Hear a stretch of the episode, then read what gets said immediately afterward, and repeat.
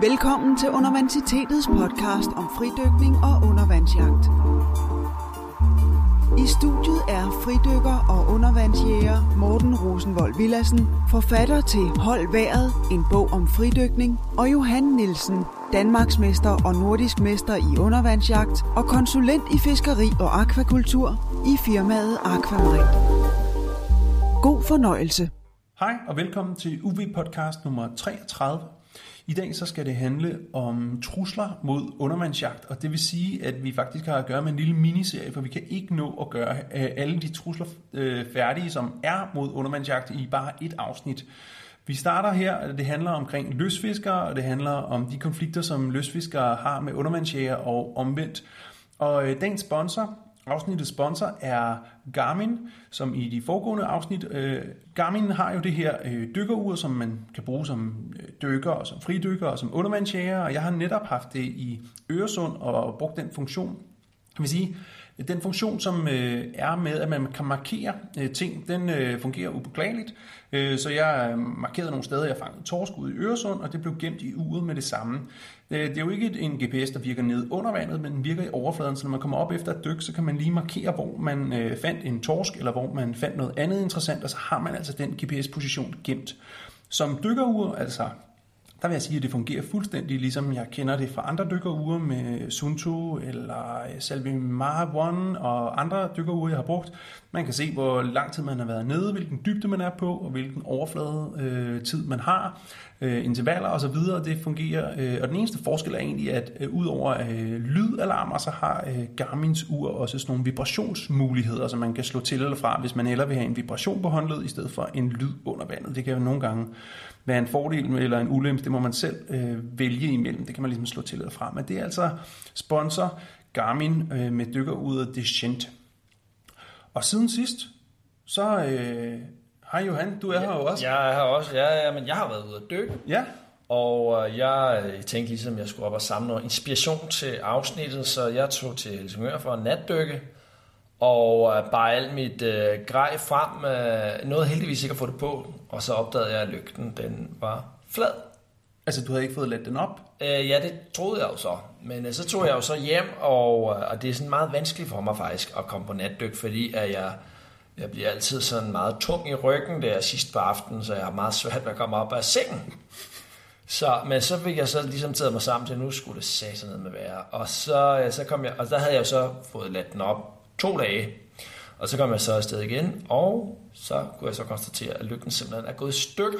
Altså, du havde ikke testet den hjemmefra? Jo, jo, hjemmefra virker den, ikke? Ja. Og så den, den kan ligesom måske lyse der 10 minutter efter, den er pillet ud af opladeren. Men ah. så holder den op med at, at du. Og det er jo sgu noget træls ja. vil jeg sige. Er det det der øh, fænomen med, at man ikke kan opbevare de der lygtebatterier afladet, men man skal øh, opbevare dem opladet? Nej, jeg tror mere, det er det fænomen, der hedder EVA, der er sådan lige knap to år, som til at tæve ned på fliserne. Okay, det kan også have en indvirkning. Det, det, det er babyfaktoren. Jeg er meget sød, men lidt irriterende, der, da jeg var oppe i Helsingør anden gang. Ja, altså du kom to gange til Helsingør? To gange, uden at dykke, ja. Uden at dykke? Så det så godt ud faktisk for landet af, så ja, okay. helt fladt og sådan, så... Nå, fint nok. Det er fedt. Jeg har også været på natdyk. Ja. Det er faktisk ikke, altså jeg tager ikke på mange natdyk, men øh, skæbnen vil, jeg også lige har været på natdyk her i forgårs ved, under Storbæltsbroen. Øh, var ude ved Pille 3 og øh, jage nogle torsk i nogle huler. Og øhm, jeg gjorde mig den erfaring, at jeg havde en for stor harpun med. Altså det var en 90 øh, cm harpun, men, øh, men en kombination med en meget kraftig lygte om natten, så bliver torsten sådan ret sky inde i hulerne. Og den tid, der ligesom går fra, at øh, jeg får lyst en, en torsk lige i masken, til at den, jeg får øh, drejet harpunen i, i stilling og ind i sprækken i hullet og får fyret af, der har torsken ligesom sådan valgt at flytte til et andet del af hulen. Mm. Og så kunne, jeg, øh, skulle vi lege kispus med hinanden, indtil at jeg ikke kunne holde vejret længere. Og, ja, altså, noget at skyde torsk om natten. Jo, men det var fordi, at jeg øh, skulle, hvad hedder det, teste, øh, jeg skal holde et kus nede i, ah. i øh, ved, hvad hedder det, Storbæltsbroen her, så jeg ville ud og se, om der var nogle øh, torsk ude på pillerne, og så skulle jeg selvfølgelig skyde nogen, når jeg nu var afsted. Øh, men det blev det så. Jo, jeg skød faktisk en torsk. Øh, men det var ikke, jeg så måske en 25-30 torsk, så der er øh, fisk, Der er på, fisk, ja. på pille 3, men, øh, og sikkert også på pille 4 og 5 for den sags skyld. De plejer jo ligesom at, at, at være de gode piller nede for Storebælt, men, øh, men jeg fik altså kun en enkelt med hjem. Så gik jeg ind mod land og skød mig øh, nogle hornfisk og tunger og to havøreder og sådan noget. Så det var en, en, en fin lille øh, øh, artsbuket, jeg kom med hjem til fryseren mm. der. Det var, det var rigtig fint. Og øh, ja, så jeg har også været ude og natdykke, og det var altid helt fladt vand ved Storbæltsbroen, kan jeg melde. Mm. Og så er vi jo øh, nået til dagens spørgsmål. Ja. Dagens spørgsmål, det er jo øh, stillet af Heinrich Christian Rytter Thomsen, og er det stillet ind i vores øh, UV-podcast supportgruppe, hvor alle dem, som er vores supportere, de øh, er medlemmer. Det kan vi vende tilbage til, men han har altså stillet øh, spørgsmålet, kan en pikvar holde sig fire dage i køleskab, og han har så øh, lagt med som bonusinfo, at øh, køleskabet var 0 grader varmt. Ja, jamen det kan, det, det kan den helt klart. Altså, den kan holde sig... øh, I en pik var en af de fisk, der holder sig allerbedst faktisk fersk. Den kan i hvert fald holde sig 14 dage ved, øh, ved 0 grader. Men altså et køleskab er jo som regel faktisk 4 grader, og, og der er væsentlig forskel på 4 grader og 0 grader. Og hvis det kommer helt op på 6 grader, så er der altså endnu mere forskel. Så kan den måske kun holde sig nogle dage. Men, men faktisk så bliver pikvar bedst af lige at trække lidt på benet en, kun et, et døgns tid. Så, så vil de være øh, bedst i øh, konsumkvalitet. Og så som sagt efter Ja, efter 10 dage, så begynder det at gå nedad, og så efter måske 14 dage ved 0 grader, så bliver det ned til det, man kalder en, en B-fisk En B-fisk, i industrien. og det er en, en fisk, der er for gammel. Det er en, man med fordel kan filtrere, så, så, kan man øh, lige, så kan man ikke lugte det så slemt der, og så, øh, men den er ved at være for gammel. Ja, okay, okay, fint nok. Øhm, Fordi den bedste kvalitet der hedder jo E, og så Nå. kommer A, og så kommer B. Så hvis du køber en A-fisk, så kunne man jo godt forestille sig, at den er meget god. Nej, det er den faktisk ikke. okay, det er en E, der er den bedste. Ja, E er bedst, ja. Det er Ja. ja. sådan noget. Skørt. De prøver at narre, men... øh, Ja, okay, nå. Anyway, det kan den altså godt, og han, øh, han, han skrev også senere hen, ham øh, Heinrich, at øh, han havde spist den, Ja. øh, og det smagte godt. Og det er jo faktisk også det, som du siger med, at en pikvar jo øh, ofte bliver lidt bedre. Ja, det vil jeg sige. Hvis man spiser den lige når den er fanget, så, så, så, så konsistensen ikke nær så god, som hvis den lige har trukket lidt. Mm, det var vi også inde på i sidste afsnit, øh, UV Podcast 32, som jo netop handlede omkring øh, pikvar. Det kan man med fordel øh, vende tilbage til at høre, hvis man ikke allerede har hørt det. Ellers kan man jo høre det igen. Det finder man på uvpodcast.dk-32. Nu er vi nået til dagens tema. Ja, og øh, jeg vil lige gå lidt i dybden med historikken omkring, hvad er der af trusler mod øh, undervandsjagt. Fordi der var engang i 80'erne, der øh, var der en masse undervand, eller der var nogle undervandsjæger, der fangede en masse ål om dagen i Øresund. Øh, op ved Nibobugten, og faktisk øh, historierne går på, at de fangede rigtig mange ål der om sensommeren, når åletrækket fra hele Østersøen, den kom igennem øh, Øresund, og det var der nogle, lyst, eller nogle erhvervsfiskere, som var meget sure over. De mente, at de der ål de blev stjålet fra deres ruser. Så de fik forbudt undervandsjagt i Øresund gennem øh, noget, der hedder paragraf 7-udvalget, hvor undervandsjægerne så, eller Danmarks Sportsdykkerforbund så ikke sad. Og det øh, varede jo så faktisk øh, helt op i øh, 2000-tallet, hvor mig og Morten, øh, vi faktisk arbejdede meget intenst og i lang tid på at få det ophævet, og det lykkedes til sidst. Øh, Kan du huske, hvornår det blev ophævet? I forbuddet? 2010. 2010 blev, øh, blev forbuddet ophævet, og øh, det var en af de grunde, at mig og Morten kom til at, at lære hinanden at kende.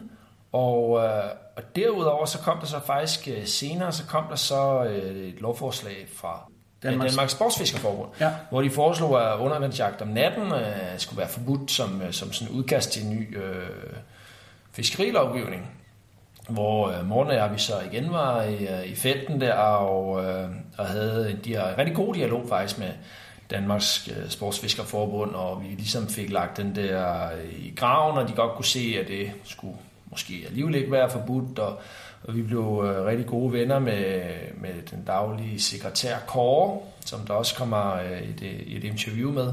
Jeg tror ikke, altså han er jo biolog, jeg tror ikke, han vil hedde daglig sekretær. Altså daglig leder, Ja, måske, måske mere bedre. den kære leder. Ja, han er i hvert fald god og, og er en talsmand på mange punkter for øh, Danmarks Og Sportsfiskerforbund. han er også en af de få aflønnede, ikke? jeg tror, det er det, der, det er det, jeg vil Ja, okay. Det vil jeg, jeg vil mene. Ja, men vi var over at besøge ham, og mm. øh, bestyrelsen, tror jeg også det var, Ja. øh, over i, i Jylland, hvor de holdt møde, var med på et møde, hvor at vi havde øh, faktisk fik indledt en rigtig god dialog. Både Johan og jeg øh, sidder fortsat i UB-jagtudvalget i Dansk Sportsdykkerforbund, og øh, det var i den egenskab, at, at vi ligesom mm. var derovre, og det var også i den forbindelse, at... Øh, at vi arbejdede på Øresundsforbuddet, som vi så fik ophævet. Øh, startede, vi startede mødte hinanden i 2005, og arbejdede så på det i fem år øh, med forskellige strategier og øh, med en masse kaffe og rundstykmøder med forskellige interesseorganisationer, og det lykkedes så i 2010.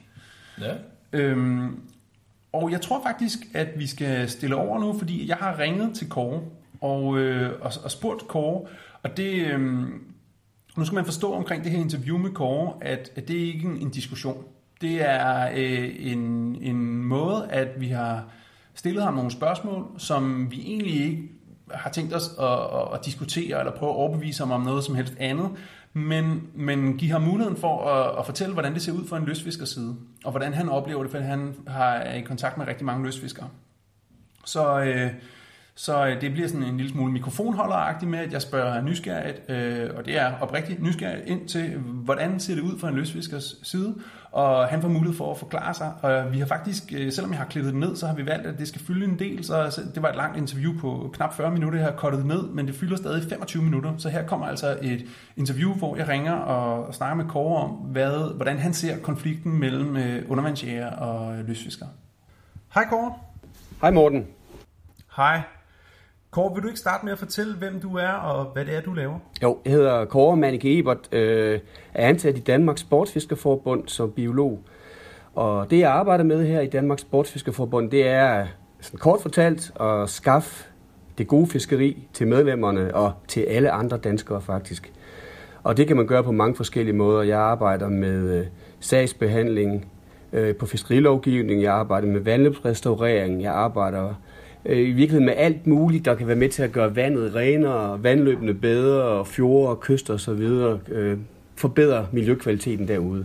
Så det er, det er min primære opgave, men fordi vi er en lille organisation, så arbejder jeg selvfølgelig også med en masse andre omgave, op, opgaver som måske ikke er relevant i den sammenhæng her, men jeg slikker også frimærker og holder møder med foreninger osv. osv. Nu ser du en lille organisation. Hvor mange medlemmer har I? Ja, vi er, vi er godt nok en øh, lille organisation med cirka 18.000 medlemmer, men vi er trods alt den, den største løsfiskorganisation i Danmark. Vi er en såkaldt paraplyorganisation, det vil sige, at vi, at vi organiserer en masse medlemsforeninger og nogle medlemmer, som ikke er medlem af nogle foreninger. Vi har cirka 130 medlemsforeninger, der er cirka 1.500 løsfiskere ud over det, som har valgt at gå ind og være medlem af Danmarks Sportsfiskerforbund og støtte vores arbejde. Ja, og man kan sige, håndgribelig øh, bevis på et medlemskab, det har jeg haft på et tidspunkt, hvor man fik sådan et, øh, et, et, et medlemsblad tilsendt. Hvad er det, det hedder? Det hedder... Det hedder Sportsfiskeren, og, og det udkommer syv gange om året. Øh, ja. Meget fint, øh, kulørt magasin med, med en masse fiskeporno. Det, det er vi mange, der godt kan lide at se på. Men også med en masse fiskeripolitik og miljøpolitik og nyheder, der handler om det, det politiske arbejde. Ja, og, øhm, og jeg sidder jo lidt på, på undervandsjægernes øh, side, og vi har jo haft møder før øh, med dig og mig og med øh, UV-jagtudvalget øh, og, og Danmarks Sportsfiskerforbund. Og en af de ting, som jeg synes, vi skal tale om, det er, hvad er jeres medlemmers oplevelse af, af undervandsjagt om natten efter havredder? Ja, det er selvfølgelig svært at sige, hvad alle mener, og hvad de mener generelt, fordi øh, dem, jeg hører fra, det er jo primært dem, der er utilfredse. Øh, og jeg hører rigtig meget faktisk. Der er rigtig mange, der, der ringer og siger, Kåre, kan det virkelig passe? Det er lovligt, det her.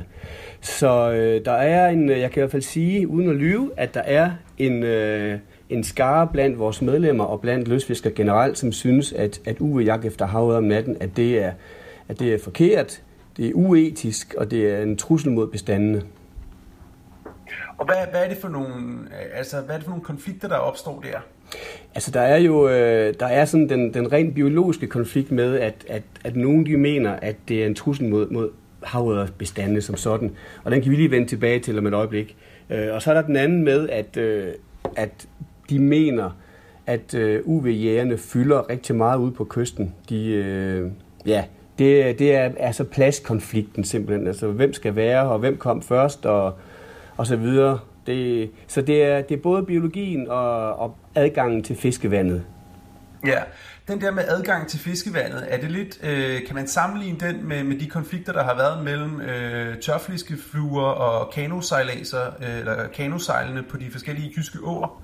Ja, ved du hvad, man kan sammenligne med rigtig mange ting. Man kan også sammenligne den med, at fritidsfiskerne stiller ruseredskaber, som vi skal holde os 75 meter fra. Øh, det kan Øh, det kan være spindefiskeren, der går op ad strømmen, og det er fluefiskeren, der går ned med strømmen, ikke også? Og de mødes så, hvem skal så give plads? Øh, så jo, der er masser af den slags øh, konflikter. Det vil altid være selvfølgelig, når det handler om fiskeri, fordi det der med at komme først over fisken og kunne fiske på, på noget vand, der er uberørt, det er selvfølgelig det, vi alle sammen drømmer om, og det er det, der giver mange gange de gode fangster. Mm. Så, så, så det, det er ligesom, det, jeg, jeg, jeg hørte sådan en todelt ting. Altså den ene, det er det med omkring med den konkrete øh, trussel mod bestanden, og den anden, det er det der med, med at, at kunne stå alene og have sit eget uberørte øh, sted og vand. Ja, lige præcis. Øh, lige præcis. Ja, okay. Fint. Øhm, men men lad, os, lad, os, lad os tage den. Øh, altså, hvilke argumenter er der så øh, imod natjagt efter øret? Altså, vi, vi har lidt været omkring det, men måske kan vi tage dem en for en. Ja, fordi jeg synes også godt, jeg, nu har jeg jo nævnt, øh, hvad, hvad folk de ringer og brokker sig for øh, over, og hvad de, hvorfor de synes, at det er noget pjat, og det burde forbydes. Det synes de faktisk. Og jeg prøver så på at forklare dem, at, at man skal måske se lidt mere nuanceret på tingene fordi øh, det er ikke nødvendigvis en trussel mod bestandene, og det er nødvendigvis ikke meget mere uetisk, end det vi, vi andre vi, vi går og laver. Så jeg prøver sådan på at, at, forklare dem, øh, set fra den anden side. Dermed ikke sagt, at jeg har ret, eller at de andre tager 100% fejl, eller jeg, jeg ved ikke, jeg ved ikke hvor, hvor, hvor, hvor snittet skal lægges 100%, men, men vores politik i Danmarks Sportfiskerforbund, den er lige nu og her, at vi, vi, vi synes også, at, øh, at omfanget af UV-jagt er, er voldsomt stigende. Hvor vi for fem år siden sagde, men vi tror ikke på overhovedet, at det, er en, at det kan være en trussel mod havørredbestandene, fordi vi ved, at løsfiskerne, det blev undersøgt tilbage i 2011 stykker, løsfiskerne hjemtager ca. 300.000 havørreder om året. Og øh, UV-jægerne kan nok ikke gøre et, et meget større indhug end måske 10% af det. Det har vi også snakket om. Jeg ved jo ikke, hvor tallet ligger, men det er svært at forestille sig, at øh, UV-jægerne kan, kan fange noget, der minder til nærmest om det, som løsfiskerne fanger. Så på det tidspunkt, der, der synes jeg ikke, at biologiargumentet egentlig har, havde ret meget relevans. Men vi hører jo bare, at, der er, at, at omfanget af UV-jagten er steget voldsomt. Det betyder, at, at fangsterne selvfølgelig også stiger voldsomt, og lige præcis det der med havrefiskeriet, det er ligesom det for, hav, ligesom det for lystfiskeren, er det mest spændende, så kunne jeg godt forestille mig, at det der med at tage ud om natten og finde de her fisk og prøve at tage dem med hjem og skyde dem, at det må være, det er jo altså jagt i tredje potens, det må være det allermest spændende, at man kan gøre derude om natten. Så, øh, så jo, øh, lige nu ser vi altså et, et stigende omfang, og vi begynder at blive bekymrede. Og det handler måske ikke så meget om antallet af havørder, men det handler mere om, at det vi jo ser, det er, at UV-jægerne er rigtig, rigtig dygtige til at tage de store havørder med hjem. Øh, dem kommer vi meget sjældent i nærheden af på kysten. Øh, de er svære at fange, de er... Grund til, at de er blevet store, det er jo, de er sky, og de måske ikke lige hopper på enhver limpind, de ser. Men UV-jægerne har altså en mulighed for at komme relativt tæt på dem om, øh, om natten, og, og vi har set nogle øh, billeder, og jeg ved godt, at det skal man heller ikke for meget i, Øh, men vi har altså set øh, fotografier af UV-jæger, og jeg har også hørt øh, fra en masse løsfiskere, der fortæller, at de ser UV-jæger komme op med to-tre store havøde over 3, 4, 5 kilo. Øh, og til, sådan, bare til min orientering, nu har jeg fisket havet over 30 år, og jeg har fanget to havet over 4 kilo på kysten i alle de 30 år. Så UV-jægerne er meget gode til at fange de store havet, og, og det kan jo faktisk være et problem.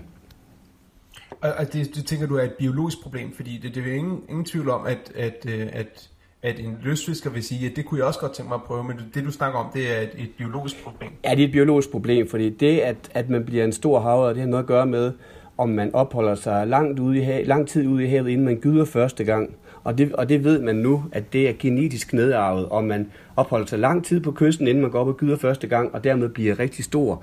Når man begynder at gyde, så bliver tilvæksten dårligere. Så de store havre ude på kysten, det er fisk, som har nogle gen- og genetiske egenskaber, som gør, at de enten er de rigtig, rigtig gode til at overleve gentagende gydninger, eller også går der lang tid, inden de gyder første gang, og derfor bliver de store. Og, og den pakke der, genetiske pakke, den er bare rigtig, rigtig vigtig for havøderbestandene derude, for at de kan klare sig og blive endnu større og få det endnu bedre. Og så selvfølgelig også øh, det vigtigste bytte for, for, for løsfiskerne. Så der er selvfølgelig noget, noget misundelse i det. Det giver sig selv. Vi er jo bare mennesker. Men jeg vil ikke udelukke, at der også kan være noget genetisk i det, hvis for eksempel UV-jægerne fisker i et koncentreret område i nærheden af vandløbene, uden for fredningsbælterne selvfølgelig, men i nærheden af vandløbene, hvor, hvor de store ører hopper sammen i sensommer og efterår. Vi kan ikke fange dem løsfiskerne, fordi på det tidspunkt er haverne holdt op med at tage føde til sig, så vi skal virkelig være heldige og dygtige for at fange dem. Men UV-jægerne har jo altså en adgang til det, fordi de ikke skal lokke dem til at hugge, men de skal, de skal skyde dem. Mm. De, de er enige om, at det er de samme haveder, som så senere trækker op i åen, hvor man kan fiske på dem, ikke? Jo, jo, helt klart. Okay. Øhm, hvad, hvad, hvad tror du, at undervandsjæger kan gøre for at mindske den konflikt? Jeg vil sige, at øh, de senere år, der er kommet en sådan meget større forståelse af, at, øh, at man skal fiske bæredygtigt. Øh, det har vi lystfiskere også erkende, og måtte erkende. Vi har frivilligt, for eksempel omkring Bornholm, indført en daglig fangstbegrænsning på tre, tre havøder per lystfisker. Øh, grunden til, at vi accepterede det, og vi foreslog, det var, at det blev så en, en regel, som gælder alle former for fiskeri. Altså også erhvervsfisker, bierhvervsfisker, fritidsfisker, UV-jæger og lystfiskere. Øh, Øh, og det er simpelthen, fordi vi ønsker at, at gøre, gøre, gøre pakken større, altså kagen større, så alle kan få en andel i den. Øh, men også fordi, det, når man laver sådan en daglig fangstbegrænsning, så, så forebygger man et målrettet fiskeri. Her tænker jeg primært på, på fritidsfiskere og bierhvervsfiskere, som jo fisker kystnært. Så forebygger man et målrettet fiskeri, som så betyder, at, at, der kan, at kagen bliver større til den almindelige løsfisker og til UV-jægeren i øvrigt også. Så jo, øh, en daglig fangstbegrænsning, øh, det vi, har vi faktisk også foreslået selv for løsfiskere og for alle former for fiskeri i det strategiarbejde, som vi sidder og laver i øjeblikket sammen med, med Fiskerikontoret, som er nu en del af Udenrigsministeriet, men som arbejder med fiskeriforvaltning. Det var Esben Lunde Larsen, der startede sådan en løsfiskerstrategiarbejde. Det blev så overtaget af Karen Ellemann, og nu er det så Eva Kjær Hansen, der sidder med det. Og der har vi altså sparket ind, som sagt, at, at vi mener, at der bør være en daglig fangstbegrænsning, som bør gælde alle former for fiskeri, og så skal der øvrigt også være en, en begrænsning på, at man må maks hjemtage en havet over 60 cm om dagen. Her snakker mm. vi om fiskeri i saltvand. Ja, okay. Øh, øh, ja. Men det er, hvad kan man sige, så, så, så det du tænker, at, at undervandsjægerne kan gøre, det er, at de også, øh, altså fordi der har jo i de sidste to-tre år, har der også været en, øh, en daglig fangstbegrænsning, som godt nok kørt på frivillig basis, men har været sådan en god stil, øh, gentlemans aftale med, med netop tre havredder om dagen. Ja. Så, så, det, så du tænker, at sådan nogle øh, tiltag er, er, er vejen frem? Altså, ved du, det, det vil jo helt klart kunne mindske konflikten, helt klart. Øh, Ja, jamen det, øh, det tror jeg, for det første. Ja. Øh, det jeg kan fornemme derude, det er, at, at der er faktisk, øh, at der er mange, der synes, at altså, man skal forstå, at for 30 år siden, der havde vi en bestand. Man skønnede, at der øh, trak cirka 200.000 vilde smolt ud fra vandløbene hvert eneste år. Det er cirka en 7-8 procent af den, af den oprindelige produktion. Og, og, og det skyldes jo, at vandløbene har været mega dårlige. De har været gravet ud, der har været øh, gift i vandløbene, de har været spoleret på alle mulige tænkelige, tænkelige niveauer. Men så kom øh, fisketegnet, øh, løsfiskerne investerer årligt i 10.000 vis af timer i at få de her havbestande op at stå i form af udsætningsarbejde, men primært nu i forhold til vandløbsrestaurering. Øh, så derfor har løsfiskerne taget et ejerskab til, på de her fisk her. Hvis ikke det havde været løsfiskere, så havde vi været nede på et småt udtræk på 200.000, så havde ingen kunne fange noget som helst. Øh, så, så vi har et ejerskab og en stor kærlighed til den fisk her, fordi vi netop har investeret øh, millioner vis af kroner og i 100.000 vis af timer for at få den, få den her bestand op at stå. Og, og, og det er jo derfor, at vores medlemmer siger, ved du hvad, det kan sgu ikke passe, at der kommer nogen udefra, som ikke har fattet sammenhængen. De ved ikke, hvor havørerne kommer fra. Øh, de har lige købt sig et øh, udstyr, de drønner ned under overfladen, og bang, så plukker de en havre på 5 kilo. Øh, det giver misundelse, men, men, men det handler også om måske, at man har sådan en, en mangel. Altså, vi, vi synes, at nogle af de der UV-jæger, og det gælder ikke alle vel, fordi der er også forskel på organiserede løsfiskere og organiserede UV-jæger, så der er nogen, der har forstået det. Øh, men vi synes egentlig, at der er en mangel på respekt for, at den ressource, den udelukkende findes, fordi løsfiskerne har skabt den. I samarbejde med mange interessenter, i samarbejde med UV-jægerne i øvrigt også, og i samarbejde med kommuner i gamle dage, amterne osv. Men uden det drive fra lystfiskers side, der har der altså ikke været noget fisk efter. Og det er jo derfor, vi synes, at øh, vi på en eller anden måde har, har retten til at, at kunne komme og sige, nu må vi skulle lige, øh, nu må I tage jer sammen, venner, og nu må I prøve at begrænse lidt, fordi det her, det er, sgu, det er ikke bæredygtigt. Så det, det, det kan, altså jeg kan sagtens sætte mig ind i den der øh, med, at man kan synes, at der er nogen, der er lidt historieløse øh, i, i forhold til, til, til at, og, og, hvad hedder det, at tage af den ressource, som, som andre har arbejdet hårdt for at bygge op ude i havet. Ja. Øh, det, giver, det giver fin mening, at det kan vække en, en masse følelser, når man har stået med og, og, og svedt og arbejdet og med kolde hænder i et vandløb og, og arbejdet for at få det til at virke. Øhm, Lige præcis. det, er en, og det er jo nærmest en uddannelse, vi skal have gang i af undervandsjæger. Øh, altså en, en bevidsthed og en uddannelse omkring, hvad, hvad det er, øh, de har med at gøre, og, og, og hvad det er, der findes. Og der, der er selvfølgelig masser, som allerede ved det her, og der er jo et stort overlap mellem løsfisk og Ja. undervandsjæger, så det er jo sådan sagt over en bred kamp. Øhm, Helt men, klart. men, men, men for at man ligesom forstår hinanden og har respekt for hinandens arbejde og indsats øh, på det område. Ja, ja men, men det er jo det, det handler om, og vi ved jo allerede, at, at for eksempel på Sjælland, hvor vi har den sjællandske grusbande, som jo er sådan en, en Facebook-gruppe med 700-800 medlemmer, som får at vide, nu kan du restaurere vandløb her, og kom og hjælp os der, øh, og det fungerer sindssygt godt. De laver 50 projekter om året, og vi ved, at der er rigtig mange UV-jæger, som er, er del af den Facebook-gruppe, og som bidrager. Ja. Vi ved også, at vi har lavet restaureringskurser, hvor der har været UV-jæger med. Så jo, øh, det, den har også været bredt sig, den bevidsthed, øh, men, men vi, er, vi har måske behov for, at den kommer lidt mere, lidt mere bredt ud, fordi der er kommet rigtig mange nye UV-jæger de senere år, som jo er historieløse af god grund. Man kan ikke klandre dem det, øh, men vi kunne hjælpe dem på vej måske. Ja, ja, helt klart. Og det kan jo selvfølgelig være smart, svært at fange alle de nye, som ikke er organiseret osv., men det er jo en udfordring inden for, for alle øh, øh, sp- sportsgrene eller aktiviteter, eller hvad vi skal kalde ja. det. Ja, men der er helt klart en opgave der. Ja, det, det jeg vil sige er forskellen, det er jo, at, at når du bliver havet af fisker, så, så mestrer du jo øh, en teknik, så skal du kunne kaste ret langt. Øh, du skal sætte dig ind i, hvad, hvad skal du fiske med hen over året. Det er, det er ikke bare at sætte sig ned til den lokale mose med en orm for enden af pinden. Ikke? Også, så, så havet af fisker har på en eller anden måde reflekteret og er øh, kommet relativt langt i processen med at blive dygtige løsfiskere. Og der har man sådan lidt fornemmelsen, at, at en UV-jæger kan jo bare gå ned, og det ved jeg godt, det er en fordom det her, fordi det kræver helt sikkert også rigtig meget at blive en rigtig dygtig UV-jæger. Men vi ser mange nybegyndere, som kommer hjem med, med masser af store havørder, og det er det, det der, som, som, øh, som får det værste frem i nogle sportsfiskere, og som, som selvfølgelig også betyder, at den lander på mit bord. Og jeg bliver nødt til at sige, at vi, vi må kigge på det, og vi bliver nødt til at se, om vi kan finde en god løsning. Den frivillige ordning, som vi jo indgik for nogle år siden, den synes jeg var rigtig fin. Øh, og, og det var en begyndelse. Øh, nu er vi klar til at gøre den obligatorisk, og jeg kunne egentlig også Ja. godt forestille mig, at jeg synes, at man på et eller andet niveau skulle, skulle, skulle stramme den yderligere i forhold til UV-jægerne, netop fordi man har en relativt let adgang til, til, fiske, til fisken om natten. Og, og der, her vil jeg gerne pointere, at nu, jeg snakker ikke etik, fordi øh, jeg, tror, jeg synes ikke, ud fra den viden, jeg har om det, der tror jeg ikke på, at der er noget uetisk i at gå ned om natten og lyse på de her fisk, fordi man paralyserer dem ikke.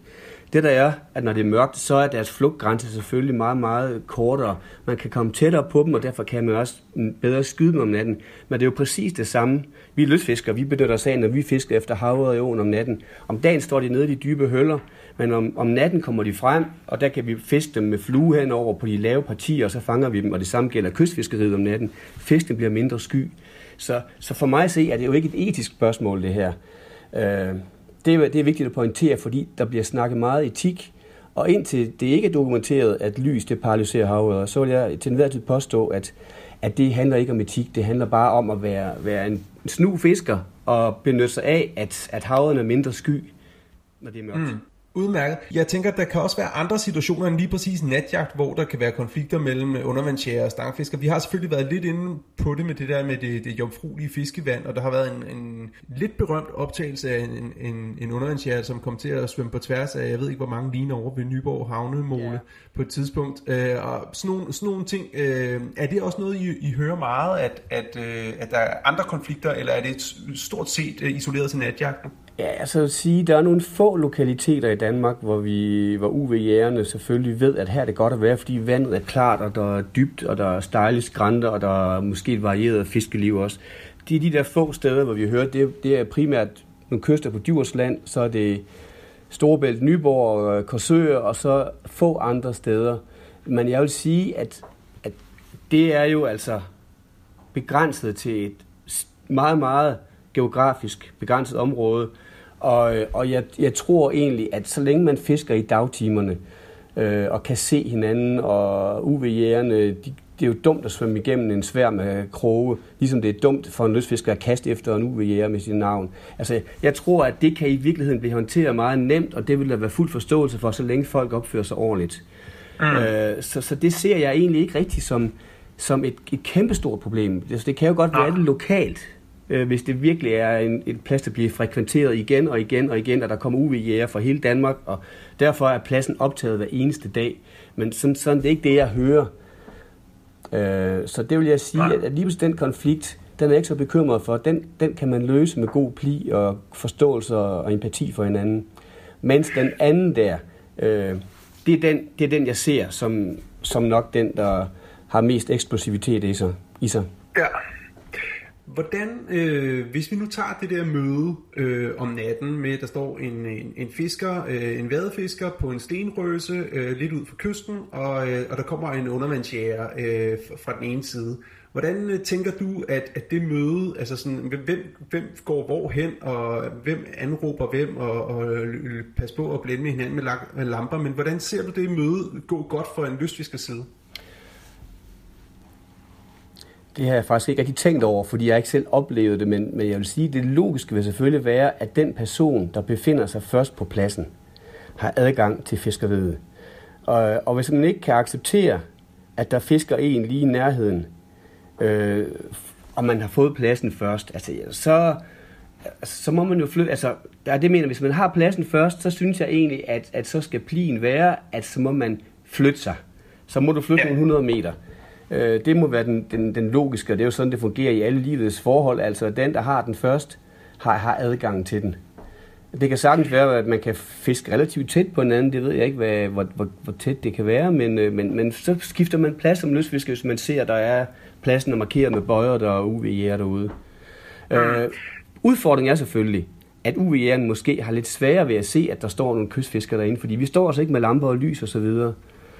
Øh, så der kunne man måske lave lidt forarbejde, når man som, som dykker skal ud, så kan man holde biler på parkeringspladsen, og er der fiskegrej i bilen eller noget, indikerer det løsfiskere, så går man ned på pladsen først, og så går man lige 300 meter på begge sider af det område, hvor man ønsker at dykke ud. Og på den måde kan man i hvert fald forebygge rigtig meget af det, i ja. forhold til pladsproblemet. Øh, vil det være at foretrække, at nu spørger jeg bare som undervandsjæger til løsfisker her, Altså vil det være et foretræk, hvis jeg møder dig på en plads, at jeg svømmer bag om dig, altså ligesom går enten på land, eller, eller decideret bare svømmer øh, mellem dig og kysten, frem for at, at, at svømme på, i en bue udenom, Jamen helt, hvis jeg skal forbi? Helt klart bagom.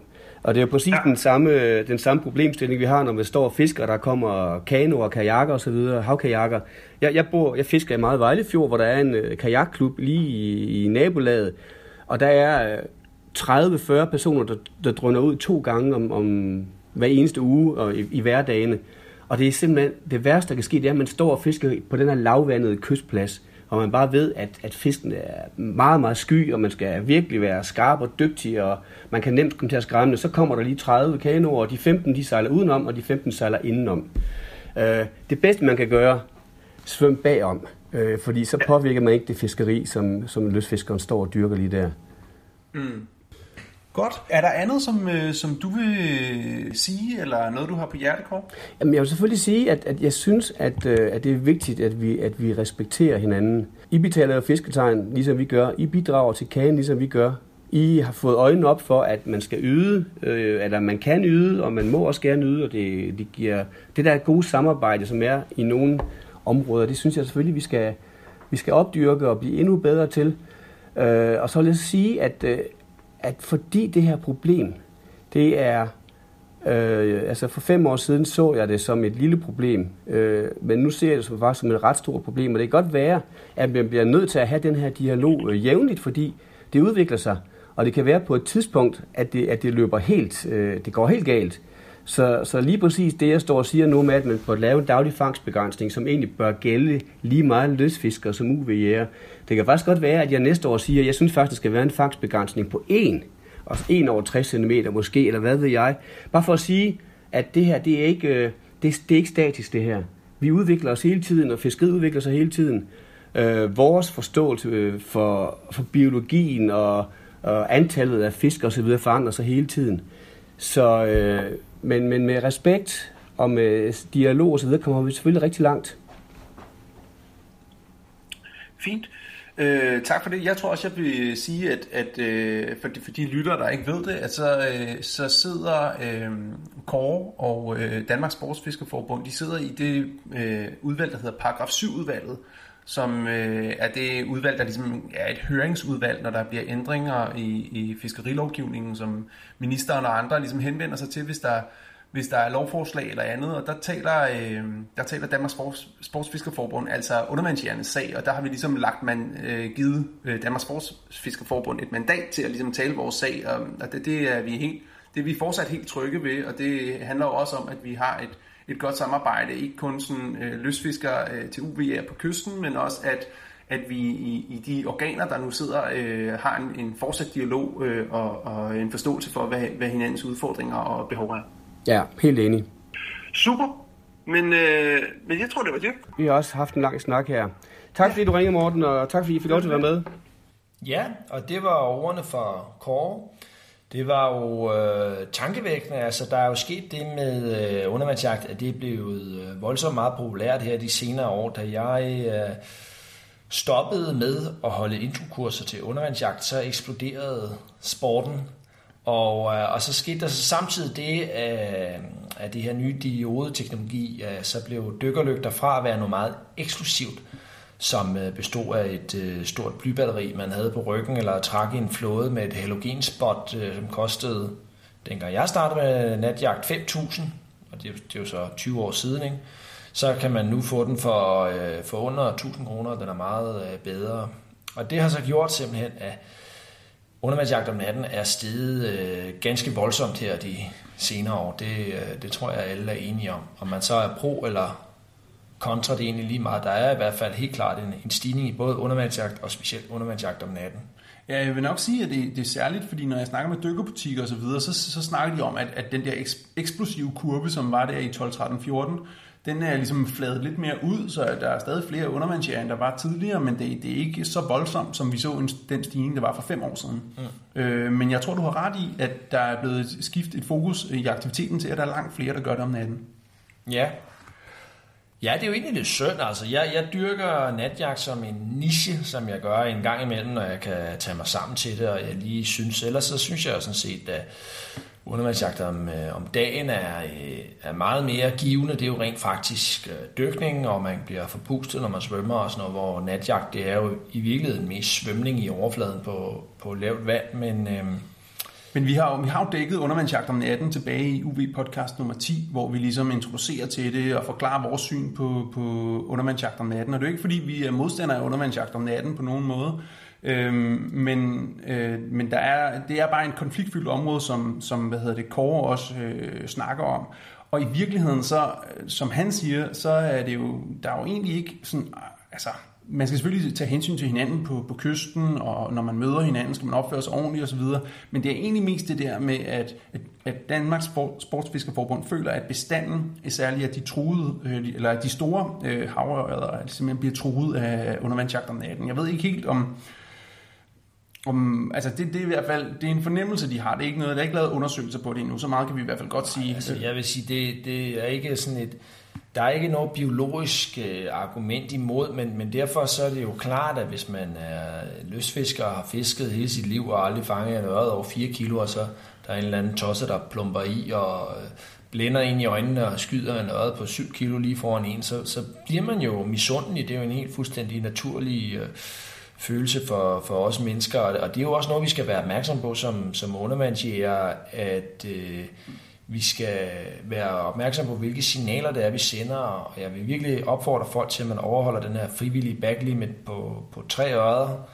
og hvor øh, maks max en af dem er en, øh, en specimen øh, øret, fordi det er ikke fordi, at ørebestanden egentlig er truet, og det der er det største problem for ørebestanden, det er dårlige gydeforhold op i åerne, men simpelthen fordi, at det er meget vigtigt, at vi, øh, at vi holder en, øh, en høj etik, og så også, at man, og det synes jeg er virkelig noget, man skal prøve at, at gøre bedre, det er det her med, hvordan vi møder hinanden på kysten, fordi løsfiskere, de er jo tit stillestående og står uden lys og nyder stillheden og, og mørket, hvor man som undervandsjæger jo kommer øh, svømmende langs kysten, og, øh, og hvis man svømmer tilstrækkeligt mange kilometer langs kysten, så, så kan det ikke rigtig undgås, at man møder nogle, øh, nogle løsfiskere. Og der synes jeg, at Kåre han kom med nogle meget konkrete og gode øh, forslag til, hvad man kan gøre. For det første, altid at svømme på indersiden, altså mellem løsfiskeren og land, eller eventuelt gå på land, for at øh, tage forbi øh, løsfiskeren, og så også, når man kommer til et sted,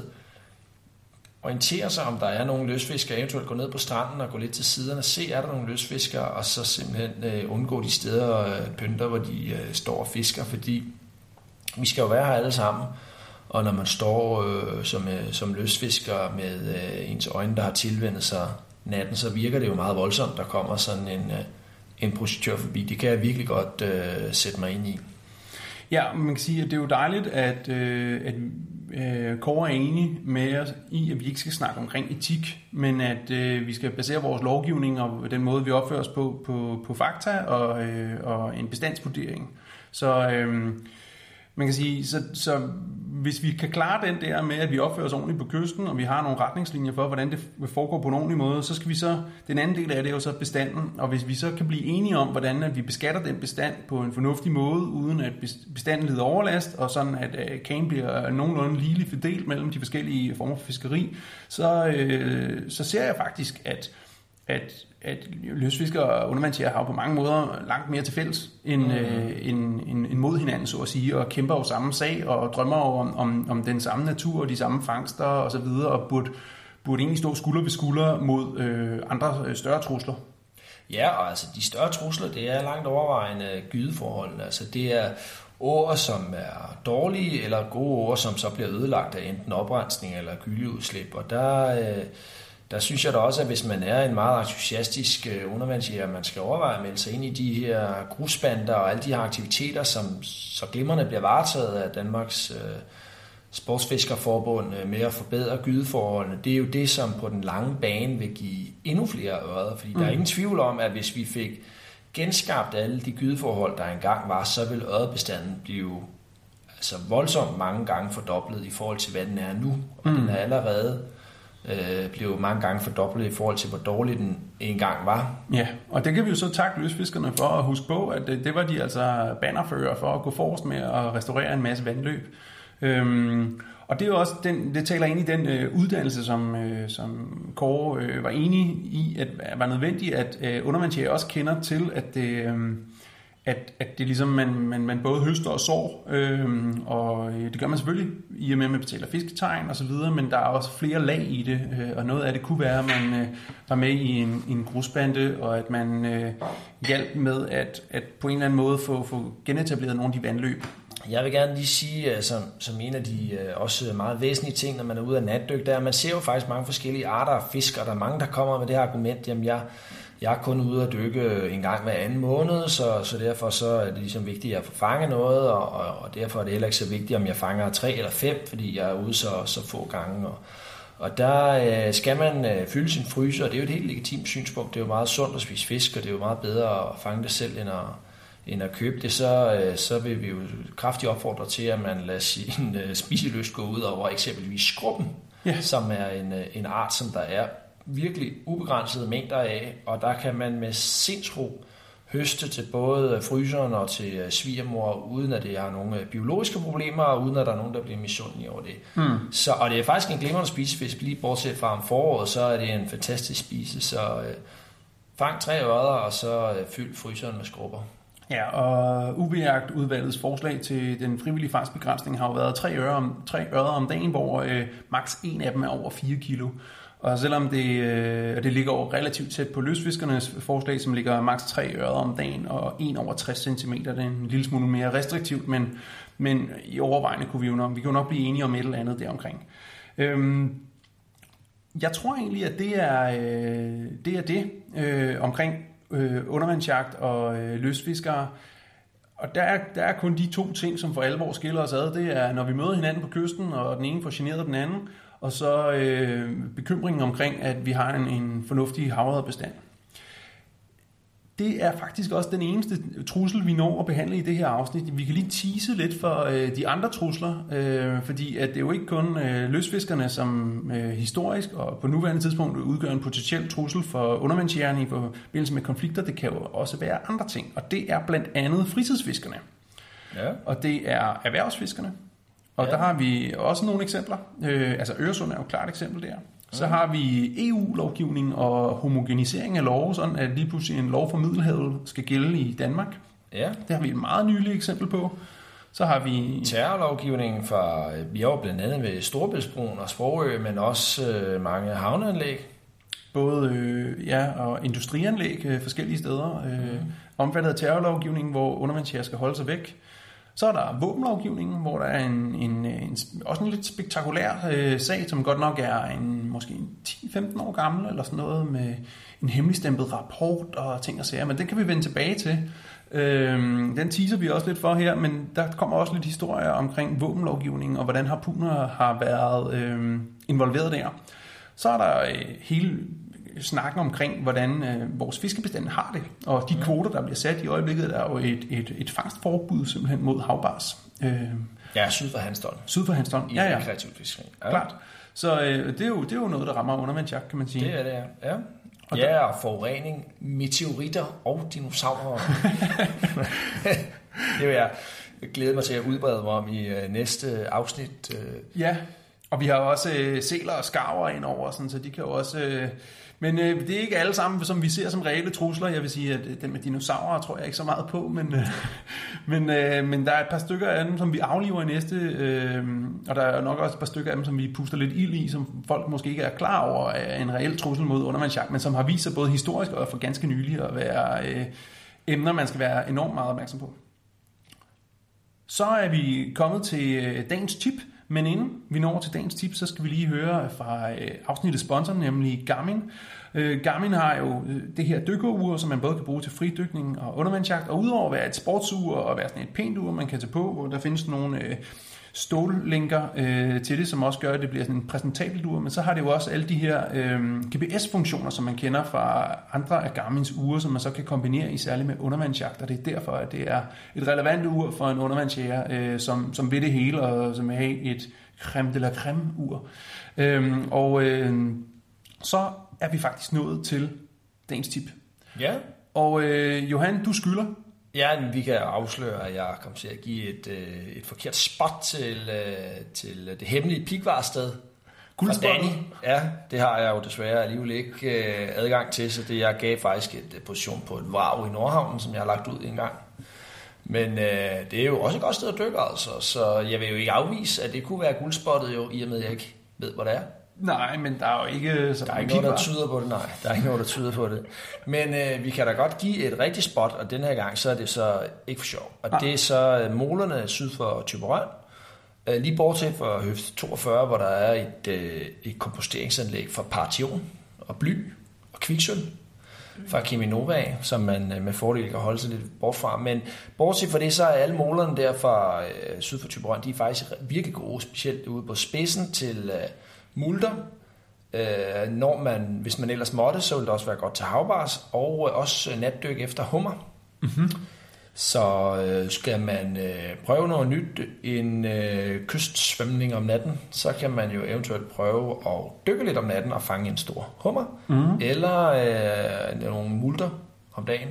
Ja, og øh, der er jo blevet set multer allerede i Indre Farvand i år. Øh, men øh, jeg har også hørt folk, der har været ude på vestkysten, som har gå med, med hvad hedder sådan noget, uforrettet sag. Altså, de, det er ikke lykkes med at se multer. Sådan, så, øh, ja, de er kommet, det er der ingen tvivl om. Selvfølgelig er de det, men øh, det er nok ikke i, i, i helt store antal endnu. Men det kommer her i løbet af, af juni og juli måned, så skal man nok kunne finde sig nogle multer øh, ved de høfter øh, ved Typerøn. Tak for det. Tak for det. Tak fordi du lyttede til Universitetets podcast. Husk, at du altid kan læse mere om udsendelsen og se fotos på ubpodcast.dk. Her kan du også høre de andre podcasts og læse artikler om fridykning, snorkling og undervandsjagt.